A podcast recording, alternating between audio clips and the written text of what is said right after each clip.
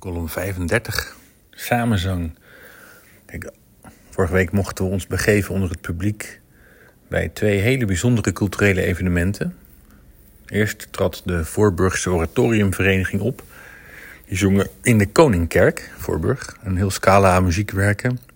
Samen met professionele solisten en muzici langs de lijn van de muziek als weg naar de ziel kwamen componisten als Handel, Mendelssohn, Von Williams langs. Mooi. En zondag daarna kwamen we in Amare, ook een heel bijzonder concert. Want Hans Matla, beroemd en bekend in het hele land en daarbuiten, die is al 50 jaar dirigent. En tegelijk bestaat het koor Corda Vocale, waar hij heel veel mee samenzingt en doet, 25 jaar. Dat werd gecombineerd gevierd met een concert dat een bloemlezing was van alle soorten en maten van muziek die Hans door zijn handen en door zijn dirigeerstokje heeft laten gaan.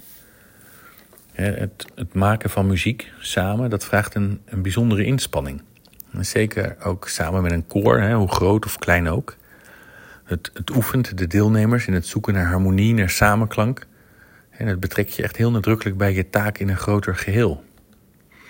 Ik vind het echt heel leuk, echt een genot om te zien hoe blij mensen worden van samen muziek maken.